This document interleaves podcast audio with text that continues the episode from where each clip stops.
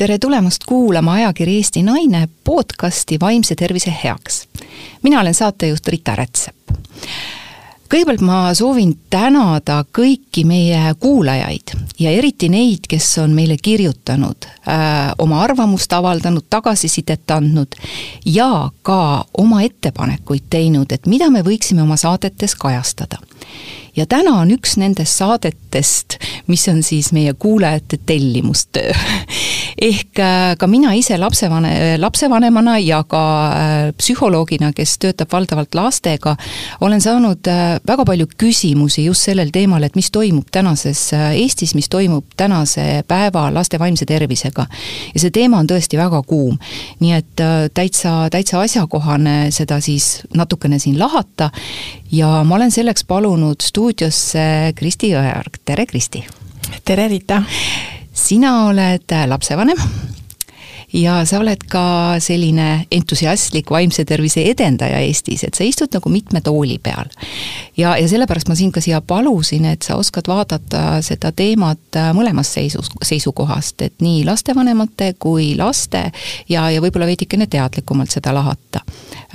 kas sa räägiksid palun paari sõnaga meie kuulajatele, et kes sa oled, mis sa teed?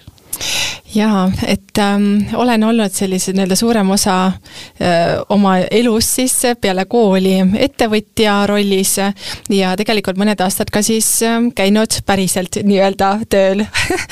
Ja, ja need aastad on tegelikult mulle väga palju õpetanud ja kogu selle ettevõtlusteekonna jooksul siis mm, tuli siis äh, minu eluteele minu kaks pisikest kullatükki ja, ja tegelikult nemad siis on äh, mind väga palju siis nii-öelda vorminud edasi ja minu neid erinevaid äh, nupukesi, millest mina siis tea-, teadlik ei olnud varem, äh, nii-öelda siis vajutanud ja toonud minus väga palju teemasid esile. ja läbi selle tegelikult, olles siis varem olnud tööohutusega tegelenud hoopiski, nägin, et kui tähtis on see vaimse tervise teema just selles mõttes, et äh, olles ka olnud viisteist aastat tööohutusvaldkonna koolitaja, siis äh, mul tihtipeale istusid saalis tegelikult ju töötajad, kes on lapsevanemad, kellel tegelikult tihtipeale ju hing on muret täis selles osas, et kodus on lapsega väljakutsed ja tegelikult see mure tuleb ka töökohale kaasa, kus siis töökohal ei ole võimalik keskenduda, sealt hakkab kerima nii-öelda see stress peale. ja, ja ma hakkasin seda hästi palju kuidagi märkama enda jaoks ja, ja tundsingi oma rinnus seda suurt soovi, või et ah, see on see koht, vot siin ma pean midagi ära tegema, ma lihtsalt tundsin nii suurt kutset.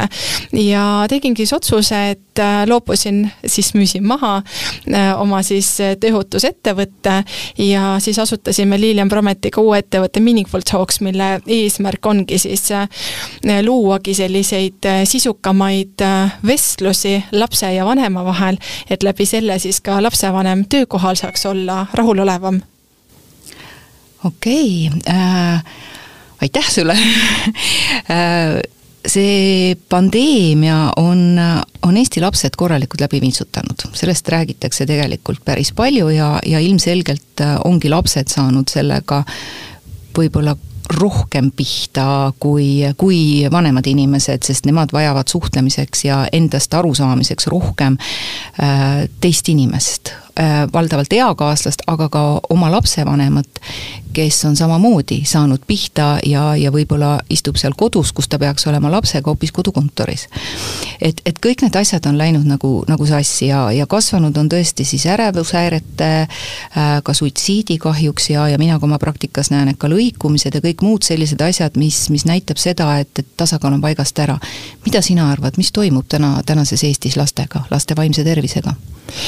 mulle tundub äh, läbi erinevate siis ka selliste nii-öelda kokkupuudete lapsevanematega ja ka tegelikult siis äh, tööandjatega see, et meil on see päris ühendus ära kadunud, katkenud on ühendus. Äh, nii siis laste vahel kui siis ütleme kooli sõpradega ja teistpidi ka lapse ja vanema vahel on tegelikult ühendus kuidagi katkenud, sest ei ole nii palju seda üks-ühele aja võtmise võimalust, kus me saame tõesti istuda koos lapsega laua taha või koos kaisutades diivani peal ja päriselt küsida selliselt, et me saame olema täiesti kohal, et kuidas sul päriselt läheb, mida sa vajad täna minult rohkem. et selliseid vestlusi ma näen, et tegelikult on kuidagi ajas vähemaks läinud ja see digirevolutsioon ka kindlasti annab sinna sellise omatõuke, kus selline päris suhtlusoskus saab ka pihta, sest tegelikult lapsevanemad on ka harjunud ju saatma SMS-i e, emaili, tegema kiire kõne tihtipeale ja kuidagi see kommunikatsiooniviis on eriti ka nüüd siis nii-öelda praegu kriisi ajal ja ka selle digirevolutsiooni ajal tegelikult väga palju muutunud. ja mida tegelikult inimene ju oma loomult kõige enam vajab, on ühendus. ühendus teise inimesega, saada olla mõistetud, kuuldud ja nähtud. ja, ja see pool ma näen, et ongi hästi pihta saanud.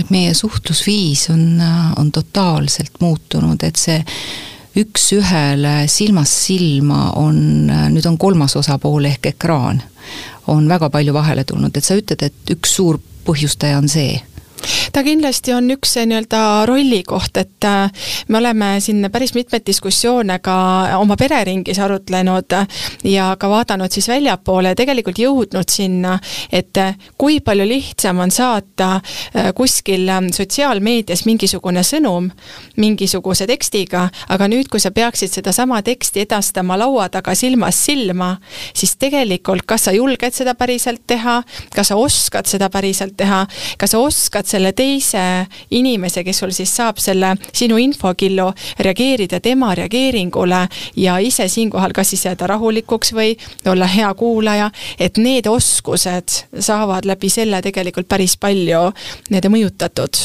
Et me ei saa enam nii palju seda vahetut tagasisidet, et me saame, saame sellise noh, nii-öelda kuidagi abstraktse tagasiside ja, ja tõlgendamist seda oma sellest parasjagu hetkeseisust, et kuidas ma siis sellest sõnumist aru sain või kuidas ma siis nüüd sellest äh, emailist või millest iganes aru sain, et ma ei näe seda vahetut inimese pilku ja, ja ei, ei kuule ja ei näe tema kehakeelt ja kõike muud. et, et see on üks põhjus siis, jah? no absoluutselt, just ka ütleme selle lisakomponendiga veel siinjuures, et sellel hetkel, kui see inimene, kes selle sõnumi saab, sellel hetkel oleneb see nii-öelda sõnumi siis nii-öelda lahti mõtestamine ka just sellest, milline on minu praegune emotsionaalne seisund. et, et kuidas ma seda sõnumit üldse enda jaoks võtan, kas ma võtan seda rünnakuna, kas ma võtan seda lihtsalt infokilluna, kas ma vaatan, et oo, kui põnev mõte, küsin täpsustust. et, et see hästi oleneb sellest, millises nii-öelda vaimse tervise seisundis on see sõnumi saaja sellel hetkel, kui see on laps, kes on koolis kiusatav ja saab kelleltki mingisuguse sellise võib-olla isegi mitte halva tagamõttega mõeldud küsima, ütleme sellise äh, lause kuskile või sinna sotsiaalmeediasse, või siis lapsevanem näiteks saab kolleegilt või siis elukaaslaselt mingisuguse sõnumi ja, ja see sõnumi, tõesti see mõtestus tulebki tihti sealt kohalt, kus kohas me praegu kas lapsevanemana või lapsena ise oleme et me tõlgendame tegelikult teise inimese sõnumit läbi enda ajuloogika sellel hetkel, kus me parasjagu oleme, läbi ja. oma emotsionaalse seisundi. aga mis sina arvad, mis on lastel mureks? Rääkides siin äh, ka taaskord äh, erinevate siis inimestega ja, ja tegelikult hästi tore kogemus oli ka see, et meil Lilian ähm, käis äh, koolis siis tegemas ka joogatundi ja ta tõesti oli, võibki öelda, lausa vapustatud sellest, et kuidas ta nägi, kuidas lapsed nautisid seda joogatundi.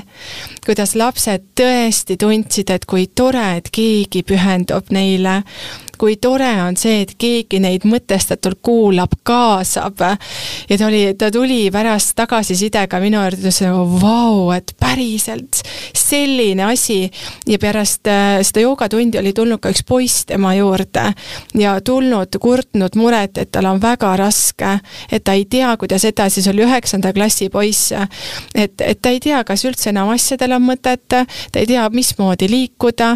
Äh, selle poisi ema teadis ka tegelikult tegelikult, et see olukord on, aga siis tegelikult kogu see olukord takerduski sinna, et tegelikult ka lapsevanem ei ole ju kaasa saanud kasutusjuhendit saades last, et, et kui lapsel on need elus väljakutsed, et kuidas ma teda parimal viisil toetada saan ja, ja seal siis seoses siis selle kauge nii-öelda mm, distantsõppega lapsevanema enda töö, ütleme, hõlmatusega ja koolikoormusega, siis äh, poisi jaoks oligi kõik äh, mingil hetkel liiga palju ja, ja täna me tegelikult siis oleme õnnelikud, et me oleme saanud seda poissi aidata ja toetada äh,. siis selle näite najal sa tood välja selle, et meil on toimetuleku probleemid nii lastel kui laste vanematel oskused neid lapsi aidata. kas see?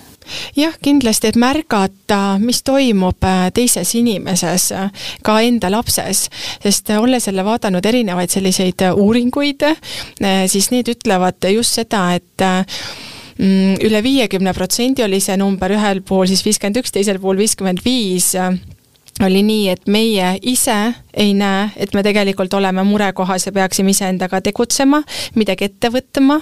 Ja teine asi, et me ei näe ka sellesama üle viiekümne protsendi siis äh, juhtudel teises inimeses seda, et midagi on temaga sellist, kus ma võib-olla peaksin minema või võiksin minna ja teda kuidagi toetada või olla tema jaoks rohkem kohal või olemas, et me lihtsalt ei näe seda. ja kindlasti see tuleb sellisest nii-öelda üldisest teadlikkusest ja teistpidi ka sellest, et kuidas meid on lapsepõlves kasvatatud.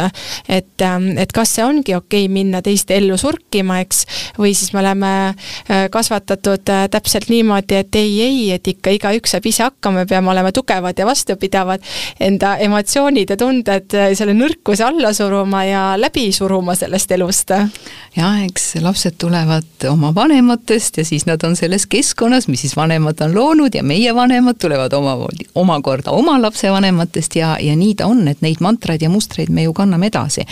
et eks meie lapsed sellepärast ongi meie lapsed, et nad on meie lapsed et nad on tulnud nii, nagu sa alustasid ka, meil mingeid päästikuid vajutama, meile midagi õpetama, meile mingeid väljakutseid, väljakutseid saatma ja nii edasi, et, et eks me eks me tõepoolest kõik tuleme oma lapsepõlvest ja, ja nii tulevad ka meie emad-isad ja meie vanaemad, vanaisad ja nii see rida on, on tulnud.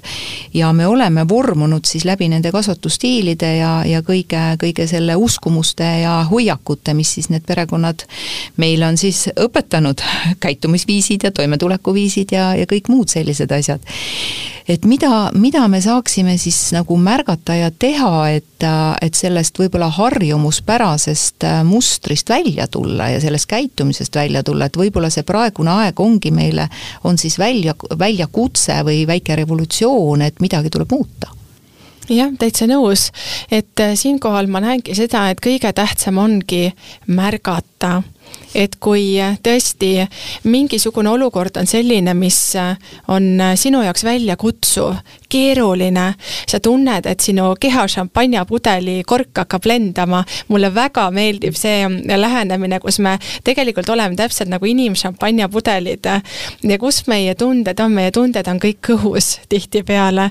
ja, ja mida enam me väljaspoolt tulevaid signaale iseendasse summutame ja seda välja ei ventileeri, ei, äh, ei täida nii-öelda enda tassi, ei lähe võib-olla metsa jalutama, ei lähe sporti tegema, ei loe remmi, lemmikut raamatut ja nii edasi, just sellepärast, et meil on kiire.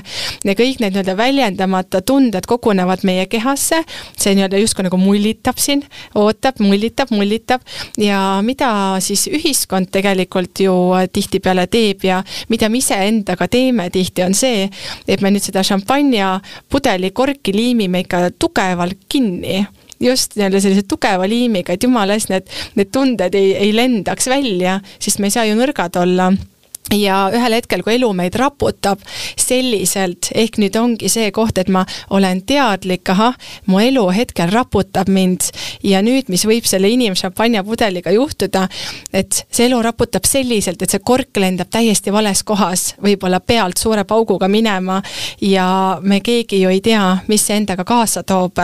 nii et seepärast ongi hästi tähtis äh, minu enda vaatevinklist ja võin ka täitsa kogemuslikul lapsevanemana öelda, märgata seda, kuidas mina ennast päriselt tunnen. et kui ma tunnen tõesti, et mingi asi mind kuidagi endast välja viib või kuidagi ma ei tunne ennast hästi, siis ma märkan seda, ahah, nii, see on see koht. Ja nüüd ma küsin endalt küsimuse, mis on praegu see, mida ma tegelikult vajaksin rohkem? näiteks, kas ma vajaksin minna sõpradega välja, kas ma tunnen, et mul on finantsiliselt ebakindel, kas ma tunnen, et äh, ma ei saa enda vaimule pakkuda, kas ma tunnen, et mul on paari suhtes mingisugused äh, asjad paigast ära, ehk et justkui need on need eluratta komponendid, et tihti, et kõik asjad liiguksid nii-öelda sujuvalt, siis need komponendid peaksid ka olema enam-vähem tasakaalus. Aga kui kuskilt midagi hakkab nihu minema ja me inimesena tunneme, et me ei saa täisväärtuslikult toimida, siis, siis tihti see nii-öelda raskus ellu tulebki. Ja nüüd me jõuame, sa räägid lapsevanemaks olemisest ja inimeseks olemisest ja kõikidest meie tunnetest, et kui me tunneme, et meie enda klaas on tühi, äh, siis ma vajaksin midagi aga ma ei tea, mida ma vajan, et siis pigem kaardistada seda, et, et äkki ma olen praegu väsinud, äkki ma lihtsalt vajan korraks viis minutit puhkust. ja, ja nii edasi, ehk siis lapsed on selles keskkonnas, mille meie neile loome. Ja nad on mõjutatud sellest keskkonnast. ehk suhtes lapsega vastutab absoluutselt alati täiskasvanu, sest lapsel ei ole seda ressurssi et me peaksime laste vaimse tervise seisukohta nii-öelda lahkama hakates praegu tegelikult pöörama pilgu hoopis lapsevanemate poole jah, nii on, et tõesti, nagu sa hästi õigesti ütlesidki, et et lapsed kasvavad meie loodud keskkonnas, aga kui meie see enda keskkond enda sees ja mida me siis loome ka tegelikult ju väljapoole, kui juhtub, et me ei ole rahulolevad, siis kõik peegeldub väljapoole ja lapsed on ju parimad peeglid näitama sulle, et emme või issi, et sinul on midagi iseenda jaoks ka vaja rohkem. ja, ja laps näitab seda ju sellisel viisil, et kas ta siis ongi justkui natuke ju jonnakam, kas ta justkui tegelikult panemegi sildi külge paha laps, tegelikult me teame, et ju paha last ei ole olemas, on ju olemas laps, kes tahab sellel hetkel seda tähelepanu saada, ehk et midagi on tema jaoks puudu jäänud, et otsib seda tähelepanu, nii et kõik need sellised taipamised jah, toovad nii hea sellise peegli, nii et tõesti, kui vaatad last, siis mõtled, et ahah, nii, minu laps on niimoodi, super, või on see, et mul on taipamine temas on midagi sellist, mis võib-olla mind häirib ja tihtipeale on see peegel tõesti ongi see, et ahah, mis mind enda juures häirib, mis minus on puudu. et, et, et see on nii põnev, kui hakata seda päriselt kohalolu kaudu märkama. aga see on ebamugav väga ebamugav äh,. väga lihtne on ju öelda, et lõpeta oma käitumine ära ja mida sa virised ja, ja, ja, ja kuidas sa üldse käitud ja vaata ennast ja nii edasi, et noh, selle eest ma olen ka tihti öelnud lapsevanematele, et pidage see monoloog nüüd ilusti peegli ees, vaadake endale otsa ja nii ongi, et eks lasteaiaõpetajadki ütlevad, et laps on ju kodupeegel, et see on see keskkond, kus ta on õppinud ja oma, vastavalt siis oma ressurssidele, vanusest või, või millest iganes siis ressursist tulenevalt, ta siis on enda ajus ümber töödelnud, tema on niimoodi asjadest aru saanud lihtsalt tal ei ole teistsugust arusaamist. ja, ja nüüd äh, räägime siis lapsevanematest. et lapsevanem tõepoolest on peegel, igal juhul, laps on õppinud sellelt inimeselt, kes on tema äh, kõige turvalisem, kõige olulisem inimene ja see vahetu kontakt tulebki siis lapsevanemalt. ja meie peaksime nüüd siis oma mugavustsoonist välja tulema. Millest me võiks alustada? mulle endale nagu tundub, et ma pakun sulle välja, et mida lapsed on, mida ma olen lastega töös näinud, et nad reaalselt tunnevad, et neid ei nähta ja neid ei kuulda. on see nii? jah, et siis jõuamegi meie vestluse algusesse välja tagasi, et, et, et kus ma need asjad tõesti välja tõingi, et mis on need taipamised olnud ja, ja tõesti ma näengi seda, no näiteks ma võin tuua eilse õhtuse näite see, et ma praegu istun siin, mulle eelnes öö kella kolmest kuni veerand viieni mm, sellises äh, tõeliselt. ja sul on kaheaastane laps. mul on kaheaastane jah. jah, jah, jah, täpselt, et selline väljakutse ja siis ma sain teada, ma võisin iseendale pai teha. Kristi, sa oled endaga super töö teinud ja miks? nii, laps ärkab siis keset ööd ülesse ta lihtsalt hakkab karjuma. ta lihtsalt karjub, ma ei teadnud, kas ta nägi halba und või oli seal midagi muud. Aga fakt oli see, et ta oli väga häälekas. nii, mina magasin, mina ju tahaks edasi magada, ma ei tahaks hakata mingisuguse kisamisega seal tegutsema. aga mina lapsevanemana võtsin selle vastutuse, selge mm, -hmm. nii, praegu on minu lapsel nüüd mind vaja, mida ma saan tema jaoks teha, uurida välja, mida ta vajab hetkel. nii, ja kuna temal on praegu selline väga tähtis teema, on tema riided ja ta tõesti magabki niimoodi, et tal on neli kihti riideid, neli paari pükse, pluuse, trussikud veel kõige peal, no ja talle meeldib ja no ja las ta olla siis, eks. ja, ja mis siis juhtuski, et selle nii-öelda suure kisamise tulemusel, mida siis oli kuskil kakskümmend minutit, kus mina rahulikult lihtsalt olin tema jaoks olemas, ma ei hakanud teda kuskile maha suruma, mitte midagi, vaid ma lihtsalt küsisingi, et, et mida sa vajad, palun, palun praegu püüa ennast väljendada või et noh, et ma saaksin sinust paremini aru. ja siis ta tegelikult väljendab ennast väga hästi aga selle kogu protsessi jooksul ta jõudis siis püksi pissida. ehk et äh, siis olid kõik riided välja äh, märjad ja mida see tähendas, tähendas seda, et tema jaoks oli katastroofiline olukord, ta pidi need riided ära võtma. ja, ja siis ta hakkas veel rohkem kisama, kui ma ütlesin talle, et näed, et äh, Miia Veljo, me nüüd peaksime ära võtma need riided ja panema pesumasinasse. ja noh, see olukord keris, keris, keris ja ma olingi nii õnnelik endale, appi ma suudan jääda rahulikuks, tähendab, et ma olen iseendaga head tööd teinud, jess, läks olukord edasi edasi. mõtlesin, no mis lahendust ma võiks pakkuda talle, et ma ei hakka ju teda öösel kuidagi seal süüdistama, ütlema paha laps, ole kuss, jääme magama, vaid et mida ma saan tema jaoks teha, pakkusingi talle lahenduse, et Miia Peer, kuule, aga mis sa arvad, et äh, paneme need riided pesumasinasse ja ootame see kolmkümmend minutit selle kiirpesu ära, kui need pesud seal ära pesevad, eks. ja siis mõtles, mõtles siis ta oli lõpuks sellega nõus aga mis oli väga kihvt, ma ütlesin, no näed, et nüüd siis ootame, et su pesud ilusasti siin ära pesevad, me ei lähe magama, ära muretse selle pärast. ma ütlesin, aga näed, et sul vist hakkab siin paljana päris külm. ja, ja siis läksimegi sinna voodi juurde, tõmbasin selle alumise kasti lahti, küsisin, et mis on need riided, mis sa tahaksid praegu selga panna, et sul oleks natuke soe ja pärast, kui tulevad riided pesust, kuivatame ära, et ma olen fööniga tihti riide kuivatanud kiiresti. ja, ja et siis saad need riided selga panna ja talle sobis sisse, siis ta ei pidanud loobuma enam sellest tähtsast riidesemest ja olukord tegelikult kulmineerus hoopis sellega, panime mõnusasti riided selga, küsisin, et Miia Pellu, kas sa tahad piima veel juua, midagi, et sul oleks hea olla, kus sul lutud on, tal on kümme lutti, eks.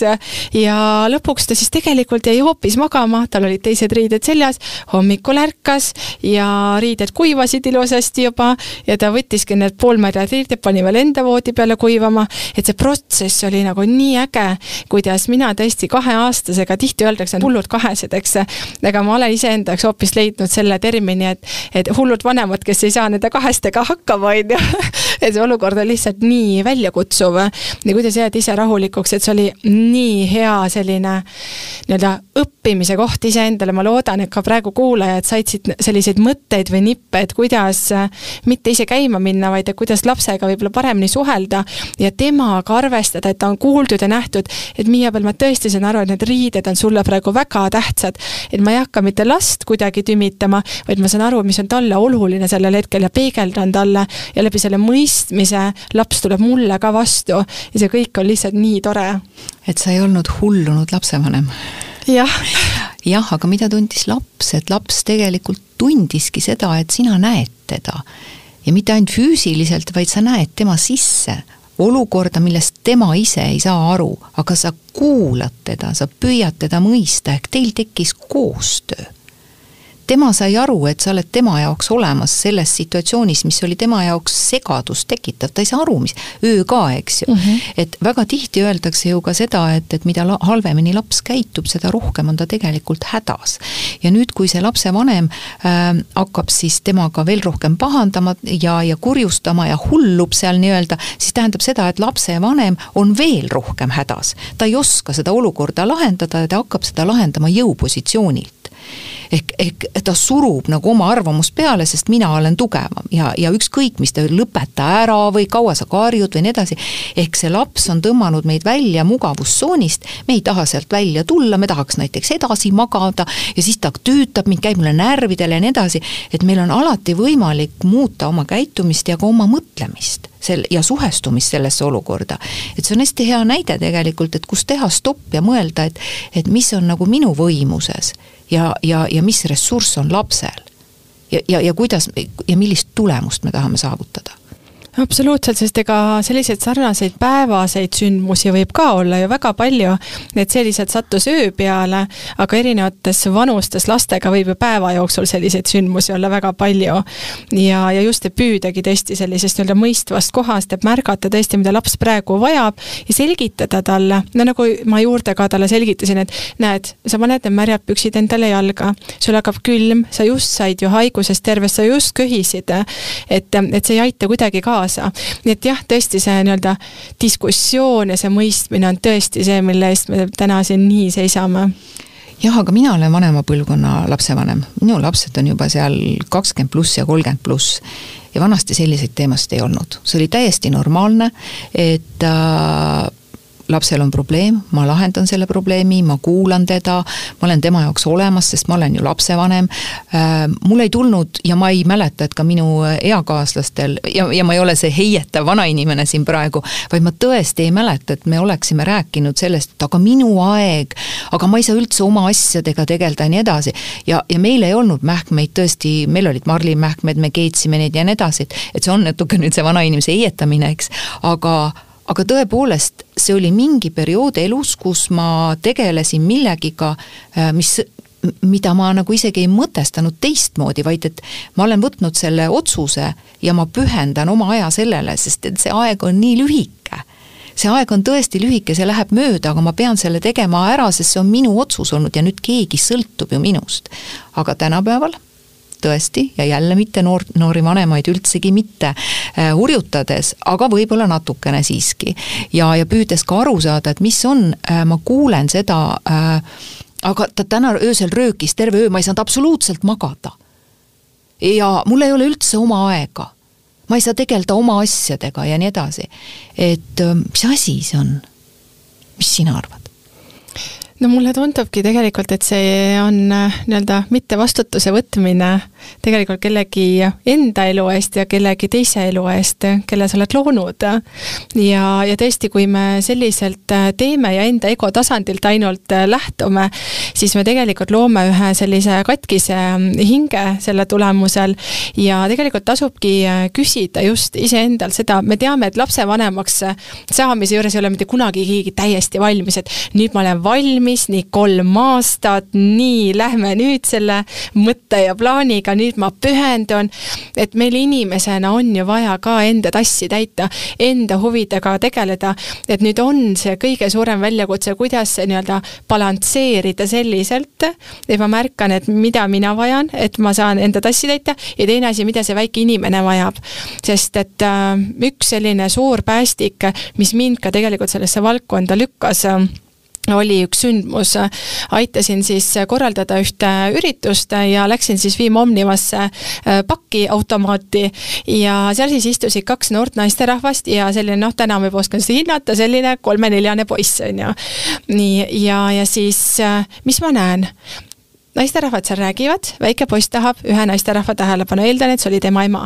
ja lõpuks siis see ema ütles, et kuule, vene keeles siis oli, et, et tõesti, et mul ei ole sinuga siin aega praegu rääkida, kas sa ei näe, et ma räägin sõbrannaga, on ju. poiss läks, virutas sellele sõbrannale siis jalaga, sõbranna pani poisile jalaga vastu ja ma olin täiesti šokis, mõtlesin, issand, mis ma teen, ma ütlesin, et Kristi, ära tee mitte midagi. sa ei saa mitte midagi siin praegu hetkel teha. ja, ja see oli minu jaoks see koht, kus ma ütlesin, appi, siit tuleb meil ühiskonda veel üks kattine hing, kes ei ole olnud kuuldud, nähtud, mõistetud ja teda lihtsalt ei ole vastu võetud. et ma näengi, et täna olles siis ükskõik millises vanuses lapsevanem, et kes siis kas saab lapse alles või juba on lapsed, et tegelikult, et nad võtaksid oma lapsed vastu päriselt selliselt, nagu nad on ja mõistaksid, kui tähtis on lapsele see vanema poolt antud armastus ja tähelepanu. nii et tõesti, et tõstagi oma pilk üles sellelt nutitelefoni või kuvarekraani nii-öelda pinnalt ja suunata see pilk lapse silmadesse päriselt. ja laps on selle eest nii tänulik ja ta on nii õnnelik, kui ta selle tunde päriselt saab. Nii on ja, ja kui ma olen rääkinud oma kolleegidega nii Vaimse Tervise Keskuses kui, kui ka, kui ka kliinikus ja ja, ja, ja arutanud siis äh, nii-öelda erinevates vanuses äh, laste probleemide selliseid tagamaid ja, ja mis võiks olla nende põhjused, siis me jõuame kõiges, oleme jõudnud kõiges selleni, et selle taga on armastuse puudus. puhtalt armastuse puudus ja kui me küsime lapsevanemalt, et kas ta armastab oma last, siis ta loomulikult armastab oma järglast. ainult et äh, kuidas ta seda väljendab ja kuidas laps sellest aru saab, et kas laps ka teab, et sina armastad teda nagu reaalselt armastad. ehk siis, kas tema vajadus vajadused on kaetud. ja äh, mul tuleb äh, siin jälle meelde üks äh, hiinlaste, Hiinas tuleb mõni hea asi ka, hiinlaste selline märk, mis siis sümboliseerib kuulmist, kuulamist. ja see kuulamine koosneb kolmest märgist, silmad, kõrvad ja süda.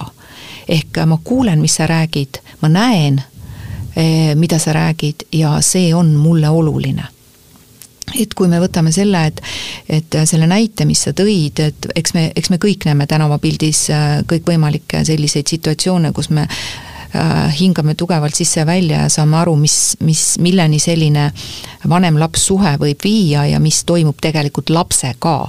ja, ja saame ka aru, mis tegelikult on selle lapse vanema sees, et ta niimoodi käitub. aga me ei saa midagi teha kahjuks, kui see ei ole just otseselt last ohustav, sest et see laps on sündinud selle vanema lapseks ja me ei saa sinna vahele minna. aga Äh, inimese aju ei tee äh, vahet, kas see negatiivne või positiivne tähelepanu on, mida ta saab. et äh, tähelepanu on tema jaoks tähelepanu. ja nüüd negatiivne või positiivne on hinnanguline ja lapse eesmärk on ilmselgelt saa-, saada tähelepanu. ja negatiivsega ta lihtsalt saab seda kiiremini jah, absoluutselt. Ja, ja tõesti äh, ma mäletan seda, kui ma hakkasin selle vaimse tervise teemaga nüüd rohkem tegelema, siis äh, otsustasime ka, et midagi on vaja füüsiliselt luua lapsevanematele ja just, et saadagi seda positiivse tähelepanu aspekti suuremaks, siis me lõime, et täna on selle päeviku nimi Minu lapse hingeelu, just sellise päeviku lapsele ja vanemale, mis võimaldabki teadlikult suhelda et mida ma enda kogemuse käigus olen õppinud, ma praegu ise õpin ka psühhoterapeudiks, et täis, tänased täiskasvanud tunnevad ka sellest puudu ja rääkimata ju veel lastest, et meile on väljendatud, mille üle meie suhtes on uhked inimesed olnud läbi aegade, et see on nii tähtis ja kuidas me läbi sellise kujutlusvõime avame üksteise maailma, näiteks et lapsevanem siin küsibki lapse käest, et kujutle, et on ideaalne suvine ilm. mida sa tahaksid sellel päeval kindlasti ära teha? nii, ja küsib seda lapselt ja laps ütleb, et oo, ma tahaks seda, ja siis kirjutatakse üles ja tuleb suvi, siis ta saabki teha, siis laps on jälle tundes, oh, mind on kuulatud, mind on märgatud, need asjad sai kirja, see, mida ma väljendan, tähendasime, nüüd just teemegi seda asja. ja järgmine asi, mis on hästi tore taipamine, milleni me siis jõudsime ja ka siis tegudeni jõudsime, lõime teadliku vanemluse kunsti kogukonna ja see tegelikult on ka näidanud seda, kui palju on meil õnneks täna juba teadlikumaks saavaid lapsevanemaid, kes siis tõesti tunnevadki, et nad tahaksid rohkem õppida, õppida, teada saada, kuidas endaga paremini toime tulla, kuidas lapsega paremini toime tulla, kuidas paarisuhtega paremini toime tulla. et need komponendid saaksid kõik kenasti siis kaetud. sellepärast sa oledki siin, et me saaksime anda meie kuulajatele mitte ainult seda faktide konstanteerimist ja, ja, ja nii-öelda natuke heietamist, et mis kõik on, vaid et võtame asja nagu härjal sarvist kinni, ehk anname mingeid praktilisi, praktilisi asju, mingeid praktilisi praktilisi töövahendeid, äh, kindlasti kõigil on mingisugused, aga tõmbame selle pildi veel laiemaks, et tegelikult on ju abivahendid olemas, kui ma vähegi tahan ja, ja, ja, ja, ja viitsin sellega pingutada ja seda, seda teha, sest tulemuseks on vaimselt äh, tugevamad, tervemad lapsed, äh, paremad laps-vanem suhted ja, ja päeva lõpuks ka tervem ühiskond ja meil kõigil on ju mõnusam ole, olla. et mis on need praktilised sellised viidad, kuhu, kuhu kuhu, mida sa võiksid meie lapsevanematele anda, et, et vaata, et et vaata sinna või loe seda või, või mõtle selle üle, et anna paar nippi, sul on neid palju, aga anna paar no ütleme, et äh, kõigepealt ju äh, me teame seda, kõik algab meist endist. et esimene nipp lapsevanemana ongi jälgida iseenda emotsionaalset seisundit. ja, ja kui siin läheb midagi kuskile nii-öelda paigast ära, siis küsidagi iseendalt küsimus, mis on täna see, mida ma vajan, aga mida ma ei saa. ja püüda olla iseenda vastu täiesti aus. ja kui sa oled selle vastuse saanud, siis sa tõesti nüüd lähed ja teed seda iseenda jaoks, sest sa tead, et see on tass, mis saab täidetud ja mis saab tegelikult luua lapsele palju toetavama keskkonna. sest kui minu tass on tühi, siis tegelikult ma ju ei saa ka teistele pakkuda seda, mida nemad vajavad, sest mina ei saa seda, mida mina vajan. oota, aga siin on üks oht. Siin on just seesama oht, kus, mida me ka siin eespool rääkisime, et, et lapsevanemad ütlevad, et ma ei saa magada, ma ei saa oma mm -hmm. asjadega tegeleda mm, -hmm. mul ei ole üldse oma sõbrannadega aega välja minna, mul ei ole sõpradega aega, ma ei tea, kalal käia, mul ei ole mitte millekski enam aega, et minu tass on täitsa tühi mm. -hmm. nii ja et siis tasub tegelikult ka vaadata, kuhu mu aeg siis läheb. see on hästi selge nii-öelda selge järgmine nipp, et kuhu mu aeg päriselt läheb, et analüüsida seda maailma, kuidas ma enda tööd teen kui palju ma olen stiilis sotsiaalmeedias, kui palju ma tegelen mingisuguste muude asjadega, et siin ma täitsa tõesti soovitakski siis võtta ette paber ja pliiats ja analüüsida näiteks läbi eelmine nädal ja mitte siin siis tuuakse seda, mul ei ole aega seda analüüsi siin teha, vaid et teadlikust kohast mõistagi, et ma tahan leida iseenda jaoks ja enda lapse jaoks aega ja kus kohas on täna see aeg kinni. mida ma saan teha muus elus teisiti, et seda aega iseendale ja oma lapsele siis äh, tuua ja anda. kus ma saan seda aega võtta, kus ma seda raisanud olen mm. -hmm. Mm -hmm. jah, et vaatad nii-öelda selle analüüsiva pilguga üle ja tegelikult mitmed inimesed äh, on jõudnud ka selleni, et tegelikult võib-olla ma teen enda jaoks hoopis valet tööd Äh, mis tegelikult äh, röövib minult kogu selle aja, sest et äh, võib-olla ma pean ekstra palju pingutama kogu aeg, et oma töö tehtud saada. võib-olla ma olen liiga hea inimene ja asendan kogu aeg oma kolleege ja tegelikult selle asendamise eest maksab minu laps kodus, kes tegelikult on üksinda kodus. et analüüsida kõik need asjad läbi, et mida ma teen väljapoole väga palju ja mis võtab selle minu aja ära, et ma saaks sissepoole midagi pakkuda mm. -hmm. et see on selline natuke Excel mõtlemine, mis on selline ratsionaalne mõtlemine, et mitte emotsionaalselt, kui me hakkame seda emotsionaalselt lahendama, siis me läheme ise emotsionaalseks mm. -hmm. ja siis me ei ole adekvaatsed seda lahendama. aga kui me võtame tõesti paberipliiatsi, tõstame selle endast välja, paneme selle nii-öelda nagu Excelisse, siis ta on mustvalgelt meil ees ja, ja ta, ja ta näitab meile kätte, et kas või, kas või seesama ekraaniaeg pane peale ja vaata, palju sa seal tegelikult nädalas oled keskmiselt ja siis sa saad teada. sest tavaliselt mulle vastatakse, ei, ma ei ole palju aga, aga aeg läheb ruttu et, et siis väga selline pragmaatiline lähenemine, jah. jaa, et see võiks olla üks asi, et lihtsalt tõesti, sa ütlesid ka väga hästi, tõsta oma ajust välja mingisugused asjad. et tegelikult see on hästi nii-öelda rahvusvaheline tööriist, et need mõtted, mis enda peas on, pannagi paberile eks, ja sealt sa tegelikult näedki, mis seis tegelikult on mingisugustes küsimustes. nii et selline kas või isegi päeviku pidamine. teine asi tegelikult, mida ma ise olen ka teinud läbi aastate, on tänulikkuse päeviku täitmine. mis on muidugi selle asja mõte, ongi enesereflektsioon just selles osas, et, et, et mis on mul täna hästi, et märgata võib-olla ka igapäevaselt neid asju, mis on hästi, mitte keskenduda tõesti ka sellele, mis sa tõid väga hästi taaskord välja. mul pole aega, olen väsinud, see, teine, kolmas asi on halvasti, aga mis on hästi, eks. et kirjutadagi iga päev üles, mis on hästi ja tõesti kirjutada, mitte mõelda, mis on hästi, vaid kirjutada, sest mis on toredam, kui sa saad tagasi lapata nädal aega nii-öelda siis materjali näiteks, näiteks ja vaadata, oh, nädal aega tagasi mul need asjad olid ju väga hästi. et see on jällegi selline hästi hea tööriist, kuidas näha, et tegelikult mul on väga palju asju elus väga hästi olnud. et jälle sellest nüüd august välja tulla. ja teine asi, kui see aeg on nüüd leitud, siis mõeldagi, et kuidas ma nüüd seda aega kasutangi väärtuslikult, kui me siin täna räägime siis lapse vaimsest tervisest, et kuidas ma siis lapsele nüüd saan sealt selle tõeliselt hea kvaliteetaja võtta. ja iga lapsevanem lapsevanem ju tegelikult tunneb enda last kõige paremini. mis sinu lapsele meeldib teha näiteks või et milliseid vestlusi te olete varem pidanud, et siin see päevik ka, mida ma enne mainisin, see minu lapse hingeelu. siin on siis küsimused, vastused, hästi sellised lihtsad, loovad, kujutlusmaailma minevad, sest laps väga hästi suudab kujutleda asju.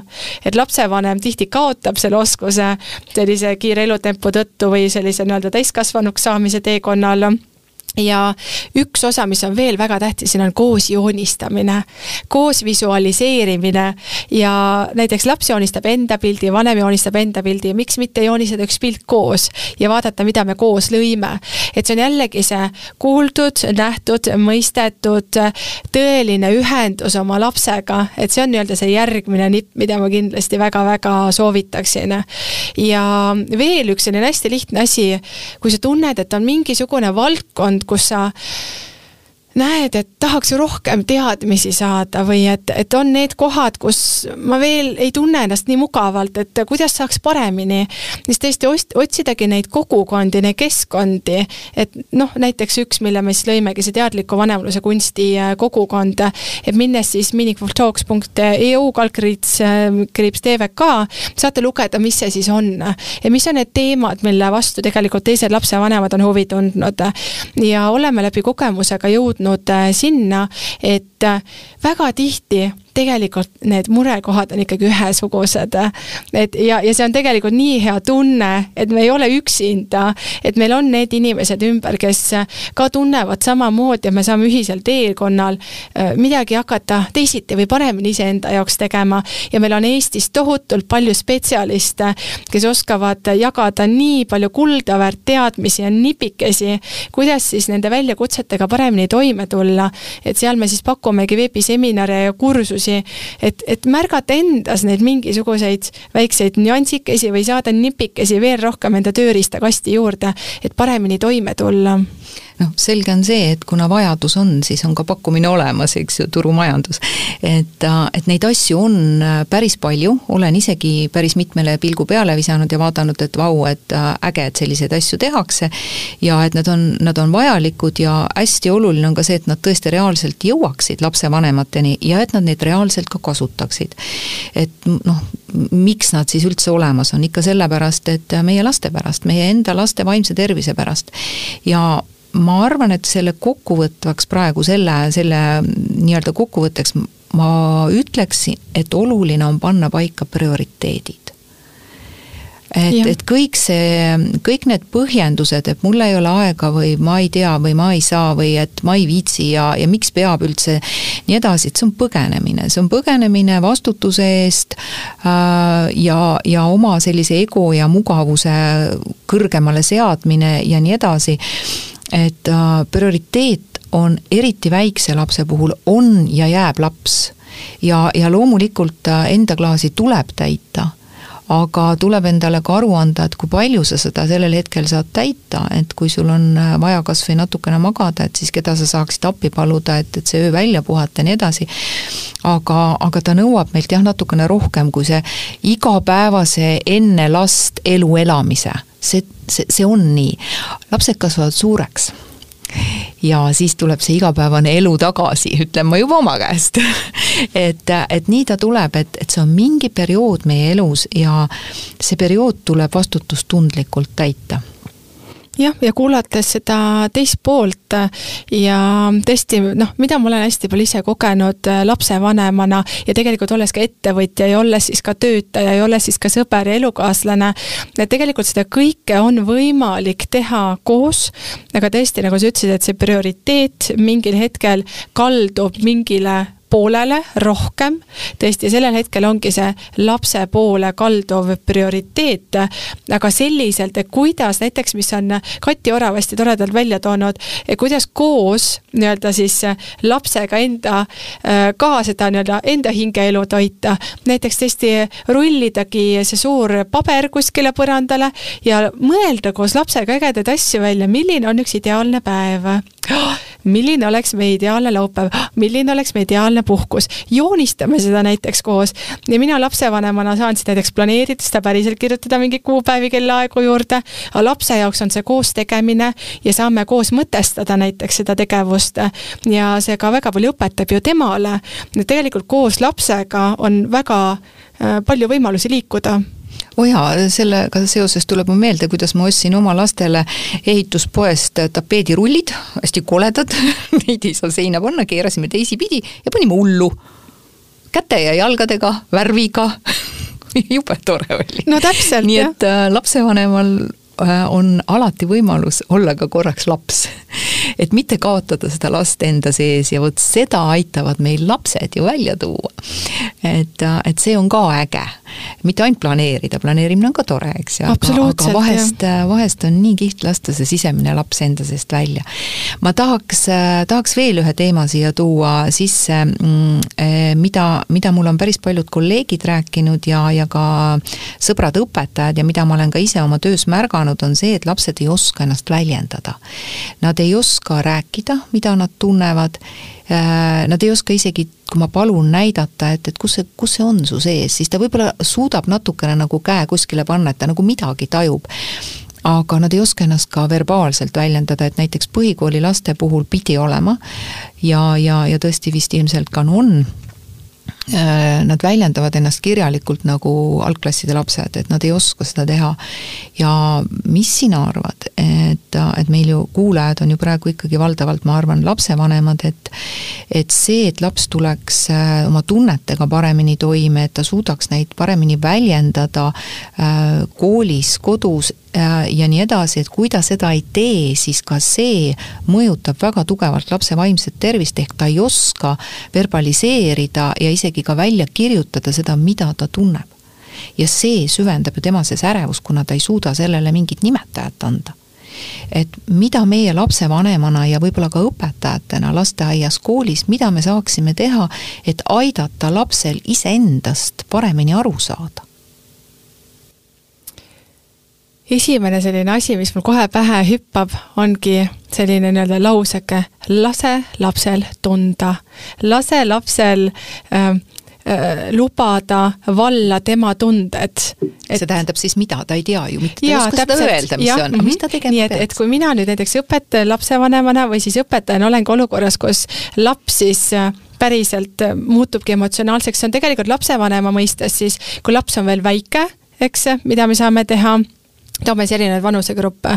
et kui laps on veel väike ja ta tõesti äh, nutab või ta kuidagi vihane, ta tahab kuskile kas või isegi virutada või kuidagi väljendab iseennast. tema siis, sees on mingi emotsionaalne teema. aga lasta see tal välja elada. et las karjub? Äh, las ta karjub mõnda aega ja sellepärast, et see on tema väljendusviis. ja mida me saame teha, me saame seda mitte summutada, vaid olla tema jaoks seal olemas, rääkidagi, et ma mõistangi, et seal praegu on midagi, mis on sinu jaoks, ongi kas siis segast või sa oled millegi peale vihane või kurb, et sa juba ise kasutad neid sõnu tegelikult hästi palju. Ja laps siis õpibki mõistma, et ahah, et ahah, nii ma siin praegu karjun, noh, kas ma olen vihane või kurb millegi osas, siis me saame lapsevanemana veel küsida ta käest, et noh, et, et kas see asi teeb sind kuidagi nagu kurvaks, kas sa tahaksid nutta või et kas see teeb vihaseks, et kas sa tahaksid midagi kuidagi noh, füüsiliselt midagi kuskile visata, et sa, et sa lood talle selle konteksti konteksti sinna, et tal tekib arusaam, sest ma täna enda seitsmeaastase pealt võin öelda, et tema oskab juba väga hästi enda tundeid väljendada.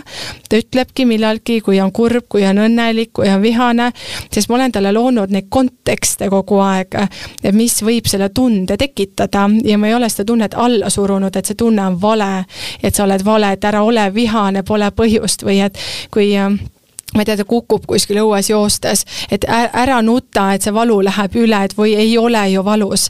et ma ei valeta talle niimoodi selles mõttes, sest ma ju tegelikult tean, et kui ma ise kukun ja mul on põlv marraskil, mul on väga valus. ja, ja seega lapsel on täpselt needsamad tunded, et ma sõnastan tema jaoks neid tundeid ja luban tal ka tunda neid tundeid ja vaatan, kuidas ta siis sellest toime tuleb ja kas, mida ma siis saan lapsevanemana sellel hetkel teha, et tal aidata siis toime tulla et no ütleme, et on ju räägitud seda, kui sa hakkad teda silitama ülevalt alla, siis sa justkui nagu pühid selle tunde ära, et siis lihtsalt fikseerida keha, et hoidagi noh, näiteks kasvõi see käsi õla peal või kui ta lubab endale ligi tulla. et sa lihtsalt hoiad käsi ühe koha peal, et ta saab oma see tunde lihtsalt ise läbi elada, et sa ei pühi seda tunnet nagu maha tema pealt sisuliselt. et hakatakse ju paitama näiteks, et noh, jällegi iga vanem ikkagi saab oma last erinevalt vaadata, mõni laps tahabki paitust näiteks. et on selline enda lapse tundmine, et see on selline üks asi, mida saab teha juba väiksest peale. aga kui tõesti juba laps on suurem ja tõesti on näha, et see eneseväljendus on keeruline, siis jällegi ma jõuan siia kas või selle päeviku juurde tagasi, et läbi selle päeviku pannagi kirja sinna selline hästi tore nii-öelda tunnete rata seespool, kus siis on välja toodud, et kas ma tunnen, et ma olen üllatunud või kurb või vihane või tunnen hirmu või ma tunnen, et mul on tõesti armastus millegi suhtes või ma tunnen rõõmu millegi suhtes. et siis neid asju lapsega koos rohkem arutleda, et mis oli täna see asi, mis sind tõesti rõõmsaks teeb. ta ütleb, aa, ma ei tea, siis lapsevanem vanem saabki öelda, et aga näiteks minul oli täna see asi selline, siis ma tundsingi rõõmu. et, et ka hakata lapsele õpetama seda konteksti, et millal näiteks sina lapsevanemana või siis ka õpetajana tundsid rõõmu, mis on see tunne päriselt ja kus see kehas, näed, et ma tundsin, et ma olin väga rõõmus, tundsin, mu kõhus oli nii hea tunne näiteks või et teine aspekt jälle, kui ma olin äärmiselt vihane, siis ma tundsingi, et mul kuidagi rindu tekkis selline valu, et ta, et ta näeks Äh, nii-öelda sellise, öeldaksegi eeskuju pealt, et, et, et kuidas see tundmine käib või see märkamine käib iseenda puhul.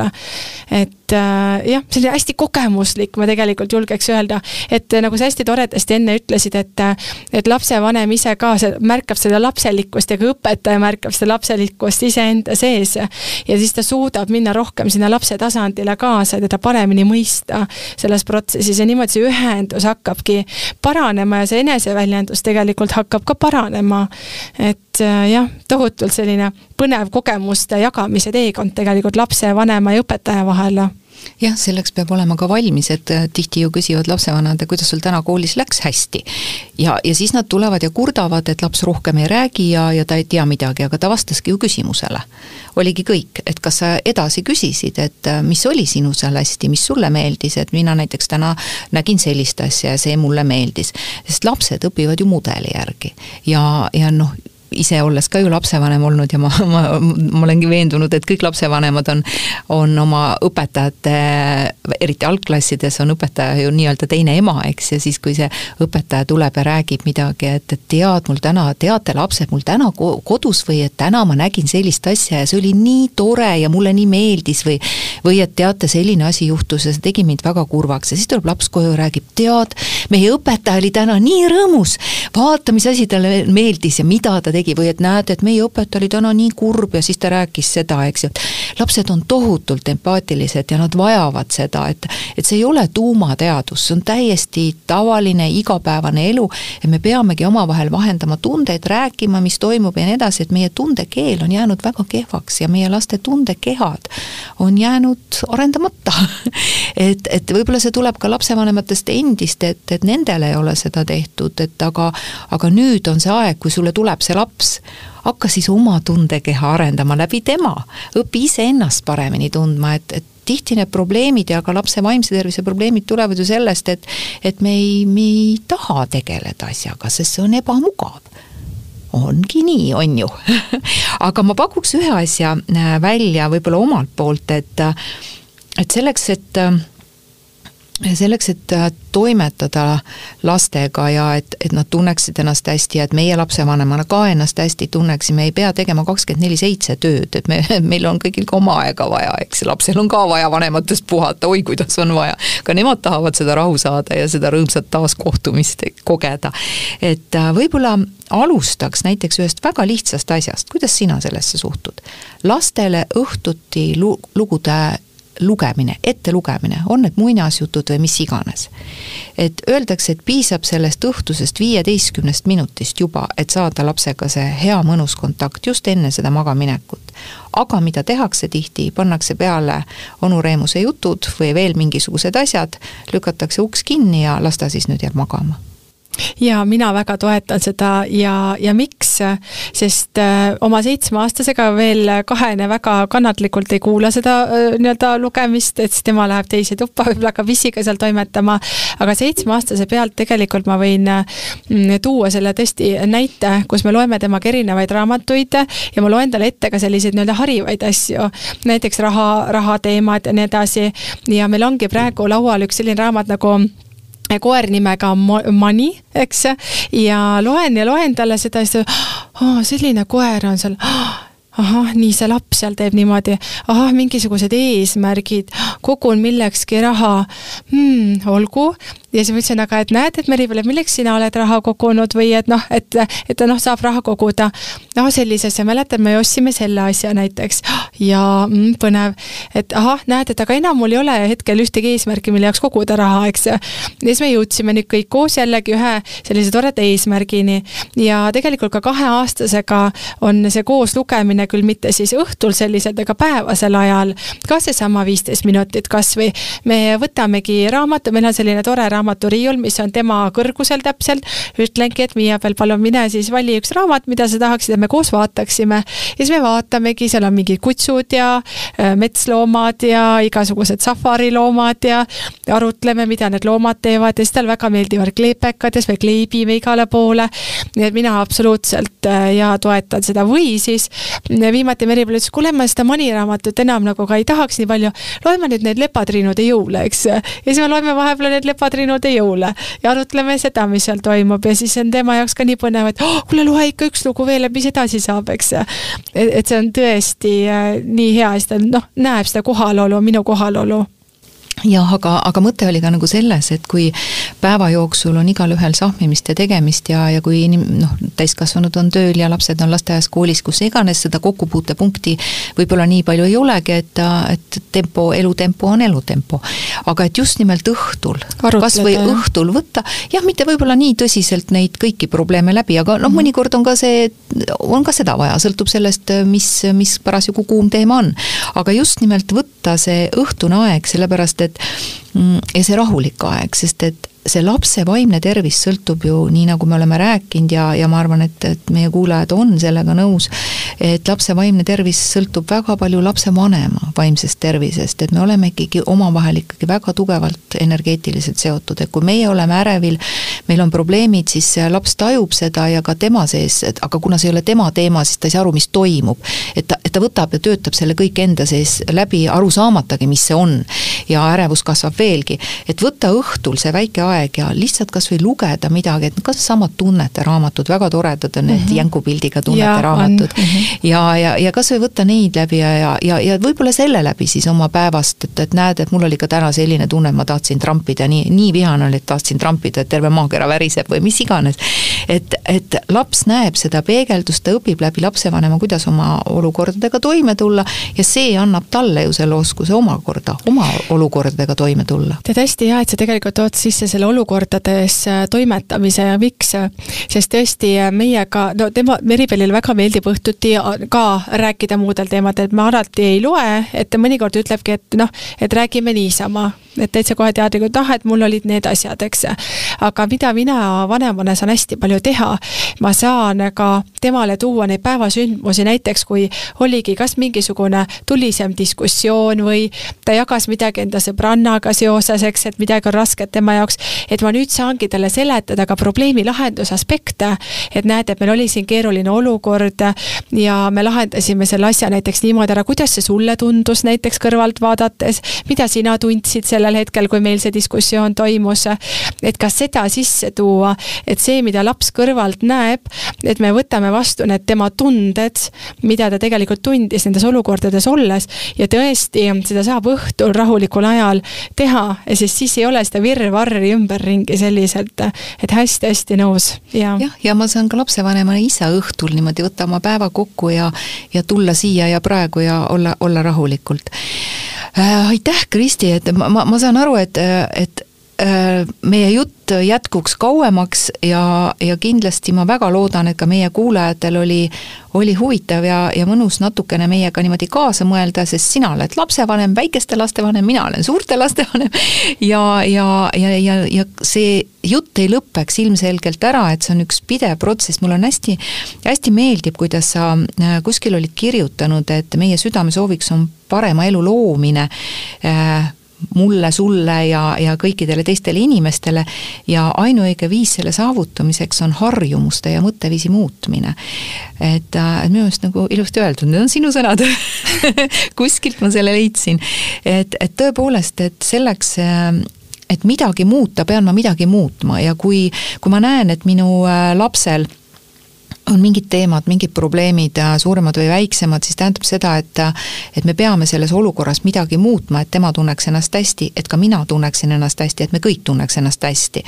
ehk selle kõige alus võiks olla, et elagem teadlikumalt jaa, täiesti nõus. jah, et äh, kui me mõistame paremini iseennast, siis me mõistame ka oma last ja me aitame, me aitame kaasa ühe väikse inimese teadlikumale ja terviklikumale kujundamisele, kujunemisele nii on, nii et äh, märgakem iseennast, märgakem teisi, kuulakem, nähkem, peegeldagem seda, mida me kuulsime, mida me nägime. Ja tegelikult teine inimene siis näebki, et tõesti, vau, ma olen kohal, teine inimene tunneb, et ma olen tähtis, ma olen oluline, ma, minu üle oldakse uhke nendes teemades, et jah, et, et ma olen väärt, ma olen tõeliselt väärtuslik, sest täna toon ühe sellise lause veel siia juurde, et tihtipeale täiskasvanud ka ju tunnevad, et kas nad on piisavalt head, kas nad on väärtuslikud, eks.